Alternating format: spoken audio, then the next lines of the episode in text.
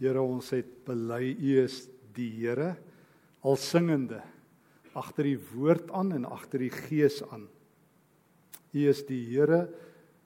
U het die troonsaal van die hemel tot U beskikking en die aarde vir U voete. En dankie Here dat U ook met U voete en met U hele lewe hier tussen ons geleef, geloop, gesterf en opgestaan het.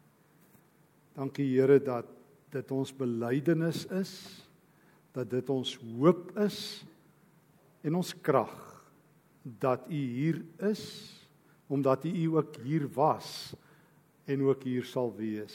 Dankie dat ons ook die woord in ons hand het vanoggend en ons kan U vertrou daarmee Here. Dit is U Gees se boek.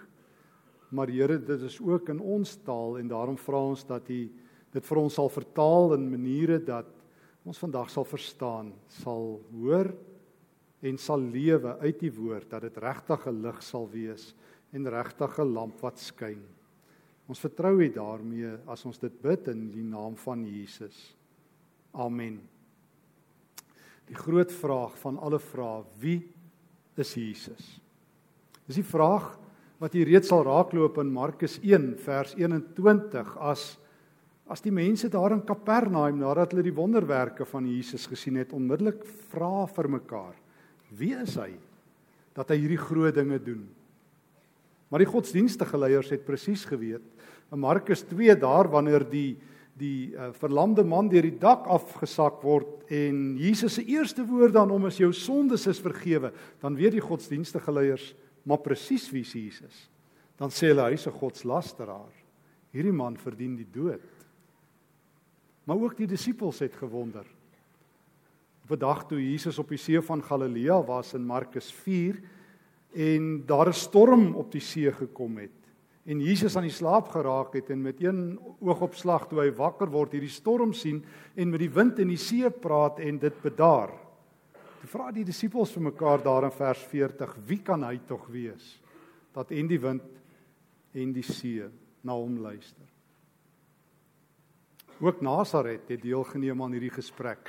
Wie is Jesus? Op 'n dag in Markus 6 se eerste verse, as Jesus daar instap en hy as die seun van God daar aankom, dan weet Nasaret presies wie hy is. Jy sal onthou in vers 3 dat hulle sê nee nee nee nee nee nee. Hy is maar net um, die broer van Jakobus en Judas en Josef en Simeon. Dis maar net Maria se kind, 'n timmerman, arm klompie mense daar onder in die straat. Nee nee nee, hy is glad nie meer as dit nie. Jesus self Markus 8 toe toe die disippels en hy daar in Caesarea Philippi was so noord uh daar op die grens van Sirië, het Jesus ook deelgeneem aan die vraag: Wie sê die mense is ek? En toe Petrus geweet, U is die Christus. Ook die hoofpriester, die belangrikste ou wat behoort te geweet het, die godsdienstige hoof van Israel, wanneer Jesus voor hom staan in Jerusalem in Markus 14 vers 61 en 62 as hy vir hom sê sê nou vir ons reguit is jy die seun van hom aan wie die heerlikheid toe kom is jy die Christus? Dan sê Jesus ek is. Die groot vraag wie is Jesus die vraag wat my lewe getref het dit het alles begin daar in Jerusalem. Um, my ma het 'n huis gehad daarso. Um, ons familie daar gebly my naam is Johannes Markus en toe op 'n dag toe Dit was Paasfees die voorbereiding en ek het water gedra na ons huis toe. En toe keer 'n klompie disippels my voor van Jesus en hulle sê vir my, "Waar's die vertrek waar Jesus vanaand die Paasete, die Pesach, gaan eet saam met sy disippels?" Ek was daar toe die heel grootste ete van alle tye plaasgevind het. Ja, dit was vir ons Jode Paasfees. Dit het vertel van die uittog, hoe ons verlos is daarvan Eksodus 12 se dae af. Maar ek het met my eie ore gehoor hoe Jesus gesê het. En jy sal daarvan lees in Markus 14. Hierdie brood verteenwoordig nou 'n nuwe ete. Dis my lyf wat vir julle gebreek gaan word. En hierdie wyn vertel van my bloed wat vir julle gaan loop. Ek bring 'n nuwe testament, 'n nuwe verbond. Ek bring God se nuwe dag. En toe Jesus Getsemane toe en later het die disippels aangesluit by hom en ek is agterna. Toe gebeur verskriklike dinge. Judas het hom met 'n soen gaan uitverkoop en toe storm die hoofpriester se soldate met stokke en en met fakkels en alles op Jesus af en hulle arresteer hom en toe hardloop hy kaal weg. Eerste Christelike kaalnaler. Die eerste streeker in die geskiedenis. Jy sal daarvan lees in Markus 14 vers 51 en 52. Ja, almal onthou hoe Petrus Jesus verloon het. Min mense onthou hoe ek hom kaal in die steek gelaat het. Wat 'n slegte begin.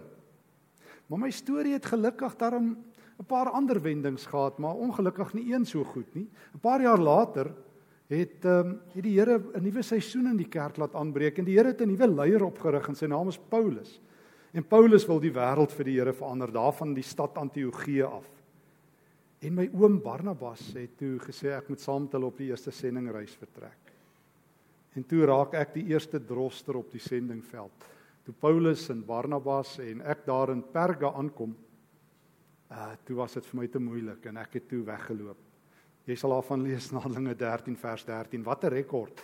Die eerste kaalnaler, die eerste droster wat die groot leiers van die Here wat die evangelie wêreldwyd invat in die steek laat. Nog is dit uiteinde nie. My oom Barnabas het gedink ek het my les geleer toe hulle die tweede sendingreis begin. Jy sal lees in Markus 15 vers 36 toe hulle die tweede keer wou reis toe wou my oom wy meer wy my weer 'n keer saamvat. Maar Paulus het geweet ek is nie 'n betroubare mens nie. En toe het Paulus gesê oor sy dooie liggaam vat hy neefie Markus saam. En ehm um, toe skeer Paulus en Barnabas, die twee groot kerkleiers, die sendingmanne, toe toe skei hulle van mekaar oor my. Wat 'n rekord. Ek het kaal weggehardloop van Jesus. Ek het die eerste droster op die sendingveld en ek het die eerste kerkskeuring veroorsaak. En God het my begenadig om 'n evangelie te skryf. 'n Evangelie met die woorde goeie nuus. O ja, as jy die ander evangelies ken, sal jy weet nie Matteus, Markus of Matteus, Lukas of Johannes gebruik ooit die woord evangelie nie, net ek. Weet jy waar ek dit geleer? By Paulus. Want Paulus Ja, hy's 'n sterk leier. Hy is 'n tawwe ou. Ons het dit geleer. Die duiwel was vir Paulus bang. Paulus het die moed gehad van 'n leeu. Maar dit het hom duur gekos. Hy is uiteindelik vermoor. Maar later het Paulus hom uit ook 'n sagte hart gehad. Hy het, hy was 'n leeu, maar hy was ook een van die Here se skape. En eers het Paulus my weer nader gehark. Hoe jy sal lees in Kolossense 4 dat hy weer praat van my as sy kind Markus. En jy sal lees in sy laaste brief van 2 Timoteus 4 dat hy vir Timoteus sê om tog vir my daarna om toe te bring in Rome. En jy sal ook lees in 1 Petrus 5 terwyl Petrus daar in Rome is dat hy ook na my verwys in die slot van sy brief in 1 Petrus 5. Die Here het my weer nader gehark. En by Paulus het ek geleer, want julle wat sy briewe ken sal weet die grootste woord wat Paulus ooit gebruik het, was die woord evangelie, evangelion, goeie nuus, meer as 60 keer. En by Paulus het ek geleer, as jy die wêreld wil verander, dan skryf jy. Altyd is 'n pen magtiger as die swaard, altyd. Ek het by Paulus geleer hoe om 'n hele beweging met briewe ehm um, te bedien. En ek het by hom geleer dat die beste manier om oor Jesus te praat, die die hoofnuus, die nuusflits is evangelie. En daarom begin my evangelie so in hoofstuk 1. Die evangelie van Jesus Christus. Ja ja ja, en ek het die storie by Petrus gehoor. Want ek het die voorreg gehad om saam met Petrus te loop. En hulle albei is vermoor daar in die middel van die jaar 64 Julie Julie maand. Julle sal onthou dit was toe keiser Nero uh die eerste vervolging teen die Christene begin het in Rome en die twee groot leiers gesterf het en die aflosstokkie aangegee is na Timoteus en na my toe. Timoteus, onthou julle is Efese toe as die leier van die kerk daar en ek ek het die evangelie gaan skryf. En dit het so bietjie van 'n bestseller geword. Biljoene mense het dit al gelees en dit het biljoene mense se lewens verander, maar as jy die wêreld wil verander, praat oor Jesus. En ek wil jou uitnooi om vir 'n paar oomblikke saam te stap. Want die vraag is, wie is Jesus? Onthou jy? Onthou jy ons het in Kapernaum vanaand draai gemaak in hoofstuk 1 vers 21 waar almal gewonder het en ons was by die godsdienstiges wat gesê het nee nee nee nee, hy's 'n godslasteraar. En ons was op die see en die disippels het gewonder of hy nie God is nie. En ons was in Nasaret waar hulle gesê het nee nee, hy's 'n doodgewone mens. En die hoofpriester het verseker geweet wie hy is. Hy is 'n godslasteraar wat die dood waardig is. Maar wie sal weet? God. En daarom breek dit uit en sê saam deur hierdie evangelie wandel sal jy in hoofstuk 1 vers 9 tot 11 Petrus sal dit vertel dit was toe Jesus gedoop is daar in die woestyn. Het God uit die hemel uit gepraat en hy het die antwoord gegee wie is Jesus. Hy het gesê dit is my geliefde seun, die een vir wie ek baie lief is. Hy wat vir julle sê die koninkryk van God is hier, hy gaan die wêreld verander. Hm. God het mens geword. God se voetspore het grond getref. God se vingerafdrukke het gaan raak op die wêreld. God het wêreld toe gekom. Dieselfde God van wie van wie Johannes vertel in Johannes 1 dat hy die woord is wat van altyd af bestaan. Dieselfde God oor wie Paulus skryf in Kolossense 1:15 tot 20 dat in hom en deur hom en tot hom alles geskep is, dat hy voor alles is en dat hy ook alles self geskep het. Jesus van Nasaret is hy. God het hande en voete. Hy loop. God is nie meer in 'n gebou nie. Hy's nie vasgekeer elders nie. Hy's op straat in Galilea en Judea en Perea en Tyrus en Sidon en in Pretoria. God loop haastig want daar's nie tyd nie.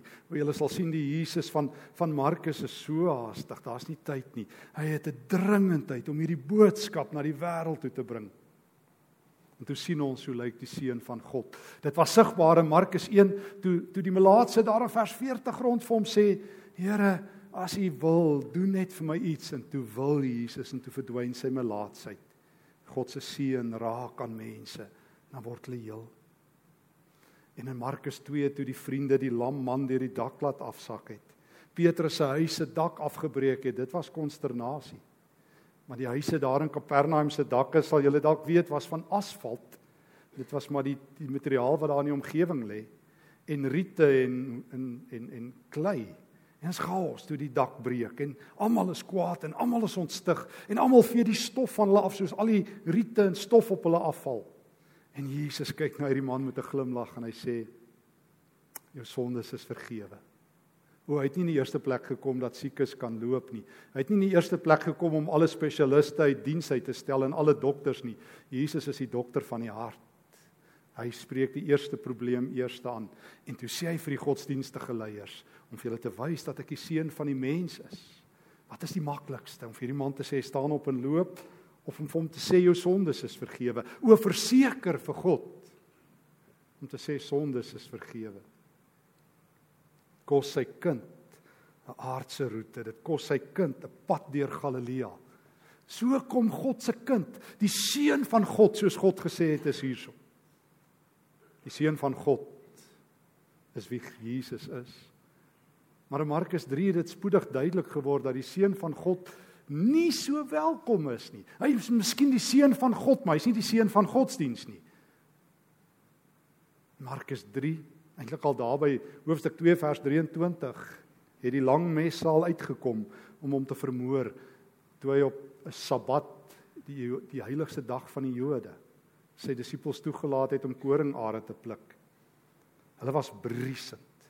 En toe sê Jesus vir hulle: "Julle verstaan een ding nie van God nie, julle godsdienstiges. Julle verstaan nie dat mense belangriker is as 'n dag nie en dat mense belangriker is as al julle godsdienstige reëls nie. Dit het die seun van God kom wys. Mense maak vir God die meeste saak en verhoudings. En daarom het hy op Sabbat eenvoudig laat sy disippels koringare pluk. En in Markus 3 vers 1 tot 6 het hy toe die toe die toe die man met die die siekte daar voor hom staan eenvoudig om genees. En dis die kwaadste sê Petrus te Jesus ooit op aarde gesien het. Jy sal daarvan lees in Markus 3 vers 5. Kwaader as toe die tempel ehm um, se tafels omgegooi het toe Jesus se woede ontplof toe die godsdienstige leiers met hulle wette daar sit en hulle in hulle harte besluit ons gaan hierdie man vermoor. Dis nie die maffia of Al-Qaeda of ISIS wat Jesus vermoor het nie. Dis jolly goeie mense, godsdienstiges. En daar het hulle besluit hoe hulle reëls oortree. Vir jou is daar nie plek op hierdie wêreld nie. Ons sal vir jou 'n houtkruis vaslaan. Markus 3 vers 6. En daarom het Jesus se woede teen hulle ontvlam En daarom het Jesus 'n diep verslaandheid gehad en nogtans het hy die man aangeraak en hom genees. O ja, toe stuur die godsdienstige leiers hulle eksperts uit Jerusalem, die groot professore van hulle om te kom sê wie is Jesus. Jy sal daarvan lees aan die einde van Markus 3. Dit is nou nadat Jesus sy eie boeties van Nasaret gekom het en gesê het hy's van sy kop af. kom die godsdienstig is toe sê hulle hy's nie net 'n godslasteraar nie. Hy's nie net 'n sabbatoortreder nie. Hierdie man het Beelzebul, bedoelende hy's duiwelbesete. Jy het dit al ooit raak gelees, jy sal dit ten minste nooit in 'n kinderbybel lees nie. Want die kinderbybels wil nie mense die waarheid vertel wie Jesus regtig is nie. Maar Jesus word deur die godsdienstige leiers gesê hy is 'n godslasteraar. En toe kom Maria, dalk sal die ma eh bietjie iets in Jesus inkry. En onthou jy, toe hy so gekyk toe hy hoor sy ma staan daar buite Petrus se huis, toe sê hy, "Weet julle wie is my familie?" Markus 3 vers 20 en 21 is hulle wat die wil van God doen. Hulle is my ma, my broers en my susters. Daar's iets nuuts aan die gebeur. God se seun maak 'n nuwe familie op aarde. En dis 'n anderste soort familie. Dit het ons gesien toe Jesus daar in Markus 2 vers 14 tot 17 alreeds gestop het by die huis van Levi. Almal het verwag Jesus gaan Levi letterlik hel toe stuur. Maar toe sê hy vir hom twee woorde: "Volg my." Wat 'n vreemde Jesus die seun van God wat vreemde mense kry om hom te volg. Die seun van God wat hierdie vreemde ding doen in Markus 5 nadat hy die stormstol gemaak het in hoofstuk 4 toe hy hoor van die hoof uh, een van die hoofde van die sinagoge in Kapernaum dat dat diese kind dood is. Toe het Jesus gegaan en hy en hy het sy hand so in die doderyk gesit. Toe hy daai daai kindjie raakvat in die doderyk toe haal hy haar uit toe sê hy Talita kum letterlik letterlik in Aramees wildsbokkie hy noem maar 'n bokkie wildsbokkie word lewendig. Kom terug kom terug. Gee hy haar terug vir sy vir vir vir haar ouers. Dit nadat die mense hom uitgelag het en hulle het gesê toe hy gesê het sy slaap toe lag hulle hom uit. Jesus gee nie om. Hy maak mense wakker al glo niemand nie. Uit hulle slaap. God se seun was op straat. God se seun was hier. En niemand se oë was oop genoeg nie Maar maar Petrus het my vertel Jesus is meer of hy's hy's nog hy't nog 'n titel. Hy's nie net die seun van God nie. Hy's ook die seun van die mens. En, en jy sal sien van hoofstuk 8 af hoor ons dit baie duidelik. Veral toe Jesus daar in Caesarea Philippi kom daar teen die grens van Sirië en Jesus ook vir sy disippels vra: "Wie sê die mense is ek?" En toe vra hy vir Petrus: "En jy?" En toe sê hy: "U is die Christus." Die Christus. En toe gebeur daar 'n interessante ding. Toe sê Jesus daar in vers 31, maar ek is die seun van die mens en ek is op pad om in Jerusalem dood te gaan. Die seun van die mens sal oorgelewer word. So belangrik is dit dat Jesus van toe af koers gekies het en elke keer in hoofstuk 9 ook in vers 31 dieselfde gesê het. Die seun van die mens sal oorgelewer word. En weer 'n keer in hoofstuk 10 vers 33. En die seun van die mens sal oorgelewer word, hy sal vermoor word in Jerusalem. Seun van God. Wat nie die seun van godsdienst se gewildste seun is nie. Maar die seun van God, maar ook die seun van die mens wat kom sterwe, wat sy lyf gaan gee, wat sy lewe gaan gee, want godsdienst se harte het te hard geword om mense te help oor die seun van God en die seun van die mense dit gereeld gesê. Van Markus 6 af het Jesus 'n verskriklike pandemie, epidemie, 'n virus in mense geïdentifiseer wat hy genoem het die harde hart virus. Jy is daar in Markus 10 se eerste verse toe die godsdienstige leiers alweer met Jesus stry oor oor egskeiding, mag 'n mens of mag nie, toe sê Jesus: "Julle ly aan sklerokardia, sklerose van die hart." Julle harte het hard geword. O, daar in, in Markus 6 toe Jesus op die see was, daar vanaf vers 45 het hy vir sy disippels gesê: "Julle ly aan harde hartsiekte. Julle harte word hard." Dit het hy in Markus 3 ook gesê. Die grootste gevaar van godsdiens is dat godsdiens die beste skuilplek is om jou te isoleer van God. Jy kan jou hele lewe godsdiens doen sonder om ooit God raak te loop godsdiens is die beste wegkruipplek vir God. Jy hou net die reëls, jy hou al die regulasies en jy loop net op al die reëls na. Maar toe kom die seun van die mens en hy gooi die Sabbat oorboord en hy sê ek gaan my lyf gee want hulle gaan my vermoor. Godsdiens het nie plek vir so radikale Jesus nie.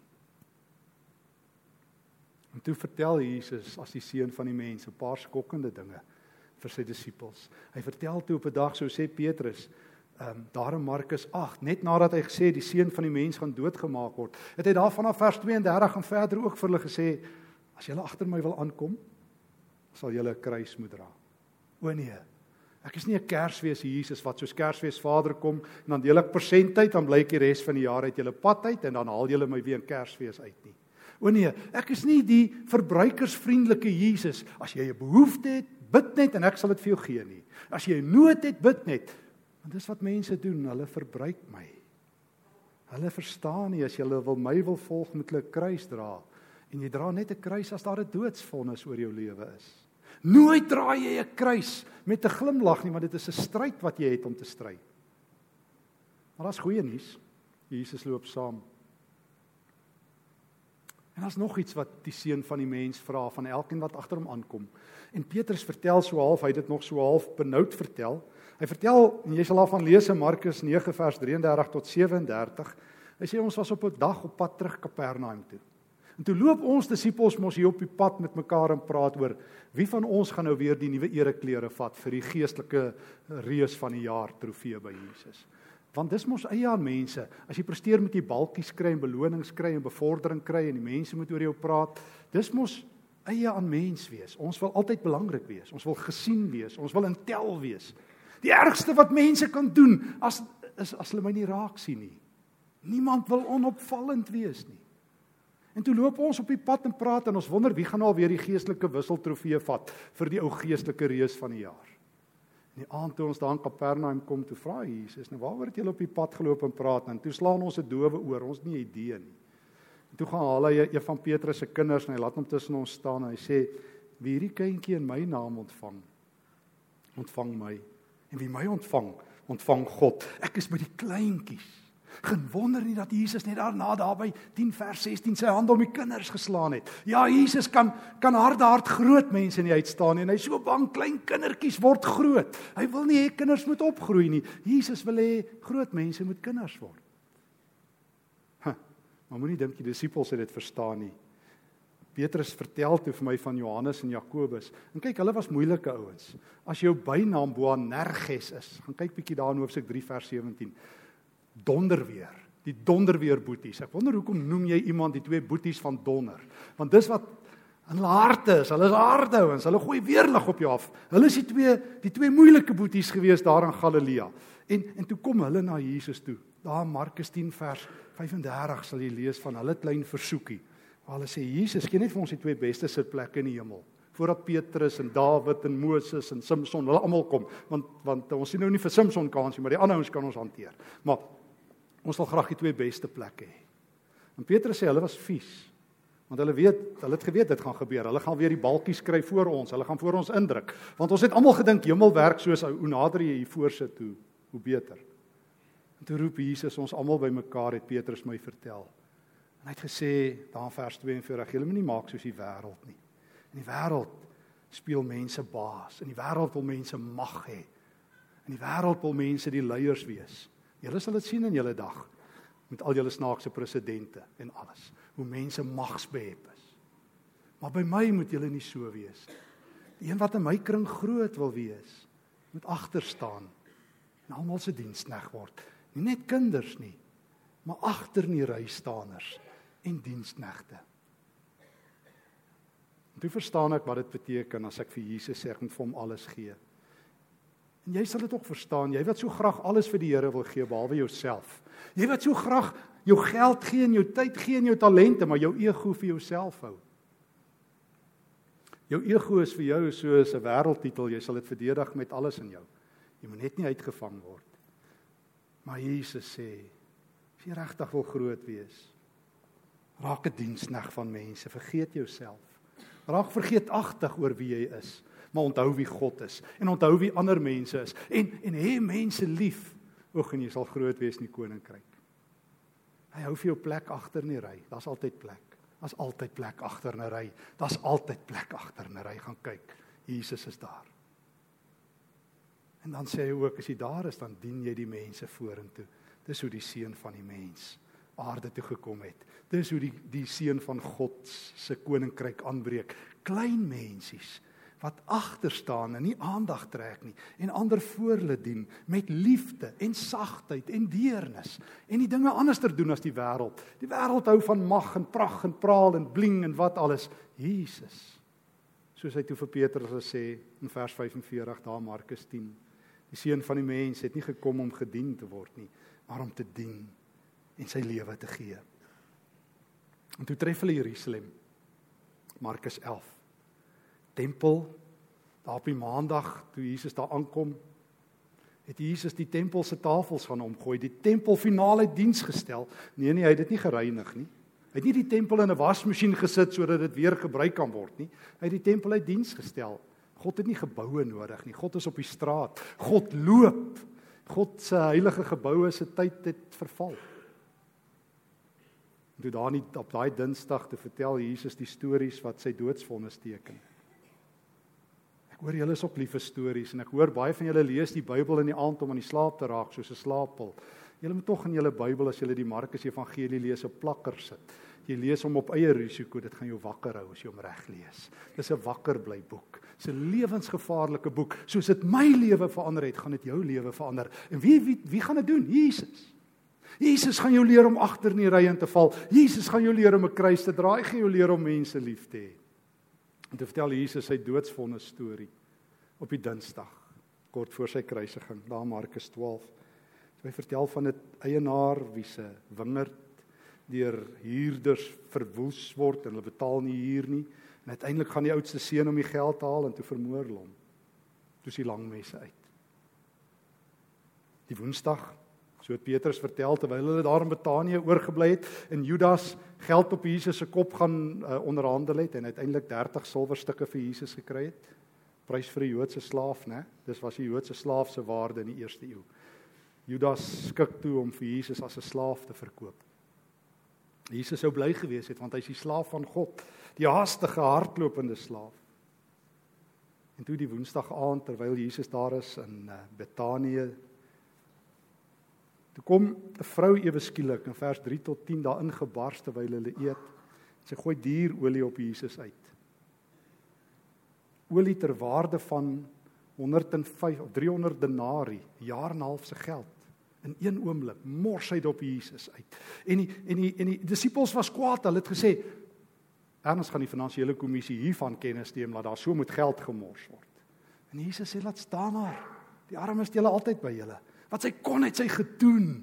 Wat sy kon het sy gedoen. Soos die tannie daar in Markus 12 net gister wat toe Jesus by die tempel uitgestap het. Jy sal lees daarvan in Markus 12 vers 41 tot 44. Het sy haar laaste geld in die skatkis gegooi van die tempel. O en Jesus het dit raak gesien. Niemand het nie, maar God het gehoor. Die nuutste biljoenêr in die koninkryk het aangekom. En die volgende aand toe die ryk vrou 'n jaar en 'n half se geld op hom uitgooi het, het Jesus gesê: "Dis mooi." Want mense wat in Jesus vasloop is vrygewig. Hulle harte smelt. As hulle nood sien, help hulle. Hulle het sagte harte en oop hande, soos Jesus. Petrus het vertel dat hulle toe Getsemane toe is en dat alle chaos toe losgebreek het, dat Jesus gearresteer is. Na sy groot gebed daar in Getsemane dat die beker moet verbygaan, maar hy moes hom drink en tyd. Toe Jesus na Kajafas se huis toe en ek Markus was so stukkie saam en het kaal weggehardloop so bang was ek en Petrus het gevloek en gesweer hy ken Jesus nie. Sal jy sien aan die einde van Markus 14 en toe in Markus 15 teken Pilatus die Romeinse hoof van uh die goewerneur teken hy op Jesus af nadat die skare ook hulle opinie gegooi het want mense moet stem blykbaar. En toe laat Pilatus die skare stem en toe hulle slotwoorde kruisig hom. Kruisig hom. Hulle wil bloed sien. Daar's nie plek vir 'n God op hierdie aarde wat saam met kinders en sondaars en twyfelaars uithang en wat die godsdienstige bootjie onderste bo skit en mense op straat sit in die tempel uit diens stel nie. Toe is die afskeidswoorde van Jerusalem op die aanbreek van die Paasfees soek nie nog 'n lam wat moet sterf vir ons nie. Maak hom dood. En toe kappel hom aan 'n houtkruis vas. Die wreedste dood wat 'n mens in die eerste eeu in ons dag kon sterf, die enkele wreedste dood nadat Jesus alreeds gestenig of gegeesel is daar in die nag nadat die Romeinse soldate hom gespoeg en geslaan het en sy lyf verwring het van die bloed en die merke hang hy in die houtkruis en uiteindelik teen 12 uur die dag Vers 33 sê daarvan lees in Markus 15. Daai Vrydag, toe die son op sy helderste skyn, toe sit God die son af. Son kan nie skyn as die seun ondergaan nie. Sit God die son af. En toe die son weer aangaan, het Jesus uitgeroep, daai groot woorde, daai groot woorde van Psalm 22, my God, my God, waarom U? Maar jy moet die Psalm mooi lees. Jesus het die hele Psalm geken. Dit is sy oorwinningsopkreet. Dis nie net u het my verlaat nie, maar ek weet ook u sal hier wees. Jesus sing, hy praat met God selfs as hy sterwe. Soos soos Johannes dit nog vertel het, toe hy sterwe het hy uitgeroep, dis volbring, tetelestai.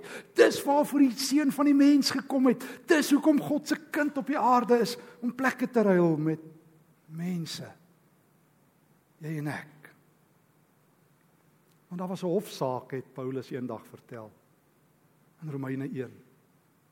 En God was die regter en hy het oor die wêreld gesê skuldig, guilty as charged. En God moes sy oordeel voltrek en toe het Jesus gekom om die gebulder van die kanonne van die hemel te vat. Hy het die koels gevat en die houtkruis is die plek en God het dit aanvaar. Net het die regter se hart gebreek dat sy eie kind moet doodgaan. Maar dis al. En toe sterf Jesus. Maar daar gebeur 'n geweldige ding in vers 39 sal jy daarvan lees. Toe Jesus sy asem uitblaas, toe roep die Romeinse offisier uit: "Daardie man is werklik die seun van God." Onthou jy die vraag: Wie is Jesus? Die vraag van Kapernaum, die vraag van die godsdienstige leiers, die vraag van die disippels, die vraag van Nasaret: Wie is hierdie man? En God het dit geantwoord: Dis die seun van God. En toe die man wat die kruis georkestreer het, die wreedaard, dit was nie die ou wat die spykers ingekap het nie, dit was die Romeinse offisier wat van die kruis 'n barbaarse bloedbad moes maak. Ons weet vandag dat dat die Romeinse offisiere by die kruis gewoonlik die wreedste enkele offisiere was wat hulle in die hande kon kry en hulle moes dit 'n spektakel maak om ander ouens af te skrik. Die enigste beperking op hoe wreed 'n kruisdood was, het afhang van daai ou wat daar by die kruis diens gedoen het. Hy kon doen net wat hy wil met 'n gekruisigde. En hy's die eerste bekeerling. Nee nee, die tweede een. Kollega Lukas sal jou vertel in Lukas 23 die moordenaar aan die kruis is die eerste een. Daar begin Jesus sy Nuwe Testamentiese gemeente met die moordenaar en die wreedaard as die tweede gemeentelid. Wat sê hierdie man? Is die seun van God. En toe toe haal hulle Jesus af en gooi hom in 'n vlak graf wat uh, nuut was en die vroue het gaan kyk Stil Saterdag het verbygegaan en jy sal lees in Markus 16 se eerste paar woorde. Toe breek die Sondag aan. En die vroue het na die graf toe gegaan en toe kry hulle 'n man met wit klere daar. En hy sê vir hulle: "Hy's nie hier nie. Hy het opgestaan. Hy's nie hier nie, hy het opgestaan. Hy's uit die dood uit opgewek. Hy leef." Die enigste taal van die Christendom wat die Christendom anderster maak as alle ander godsdienste.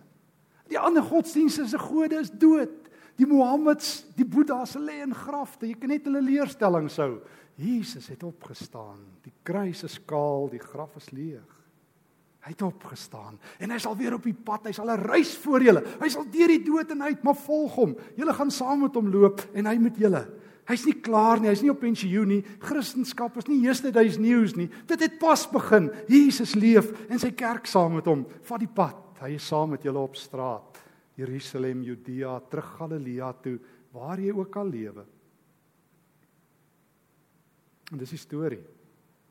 Grootste storie wat ooit vertel kan word. Die storie wat net een opskrif verdien. Evangelie. Die goeie nuus oor Jesus en wat van Jesus af uitgaan. Goeie nuus. Hierdie goeie nuus het my lewe verander. Hierdie Jesus het my wat kaal weggehardloop het, wat hom in die rug gesteek het op die eerste sendingreis wat hom op die tweede sendingreis verleeg gemaak het deurdat ek skeuring in die kerk veroorsaak het. Hierdie Jesus het my nog 'n kans gegee. Hierdie Jesus is die Here wat mense liefhet en gebruik. En daar's die boek en die storie. Ek sê weer, 'n storie wat jou lewe verander. Storie van die seun van God die seun van die mens. Die storie wat as jy sê jy loop naby hierdie Jesus jou 'n kind en 'n knegg maak met vreugde. Wat jou kruis dra met vreugde, want jy weet Daardie einste kruis het hy aangehang en daai einste kruis is kaal. Hy's nie meer daar nie en daai graf is leeg. Hy het opgestaan en hy leef. En ek saam met hom. Daarom het ek hoop. Daarom het jy hoop. Hy is nie hier nie, maar hy is hier. Hy is opgewek uit die dood en hy leef. Gaan vertel dit die wêreld vol. En as die vrouens bang sal jy sien daar in vers 8, hulle het hulle mors dood geskrik. Hulle het vir niemand gaan vertel nie. Maar jy kan nie vir 'n vrou 'n goeie geheim gee en verwag sy moet praat nie. En toe gaan praat hulle. Want hoe kan jy stil bly as die graf leeg is? En hoe kan jy stil bly as hy opgestaan het? En toe word die vroue die eerste draers van hierdie aardskuddende nuus. Hoe wonderlik. As ek en jy saam pad vat, al is ons bang, al is ons bevrees. Hy het opgestaan en hy leef. Amen. Baie dankie Here vir die woord. Dankie vir Markus. Dankie dat hierdie spesifieke evangelie, hierdie spesifieke goeie nuus die Bybel gehaal het. Here, dit is in die hart van wie U is. Dankie Here Jesus dat U nie in die hemel gebly het en 'n kerskaartjie gestuur het om te sê U dink aan ons nie. Dankie dat U nie wanneer ons in 'n krisis is vir ons 'n SMS stuur om te sê U gee vir ons om nie, maar dat U self gekom het. Dat U voetspore met ons elkeen se pad gekruis het. Here dat U aan die kruis ons elkeen se lewe op U eie skouers getel het. Dat toe U daar gesterf het, U vir ons afbetaal het alles wat ons self nie kan betaal nie. Ons loof en prys U daarvoor. Ons eer U. Dankie Jesus dat die graf leeg is en die kruis kaal is en dat U by ons is al die dae tot aan die einde. Amen.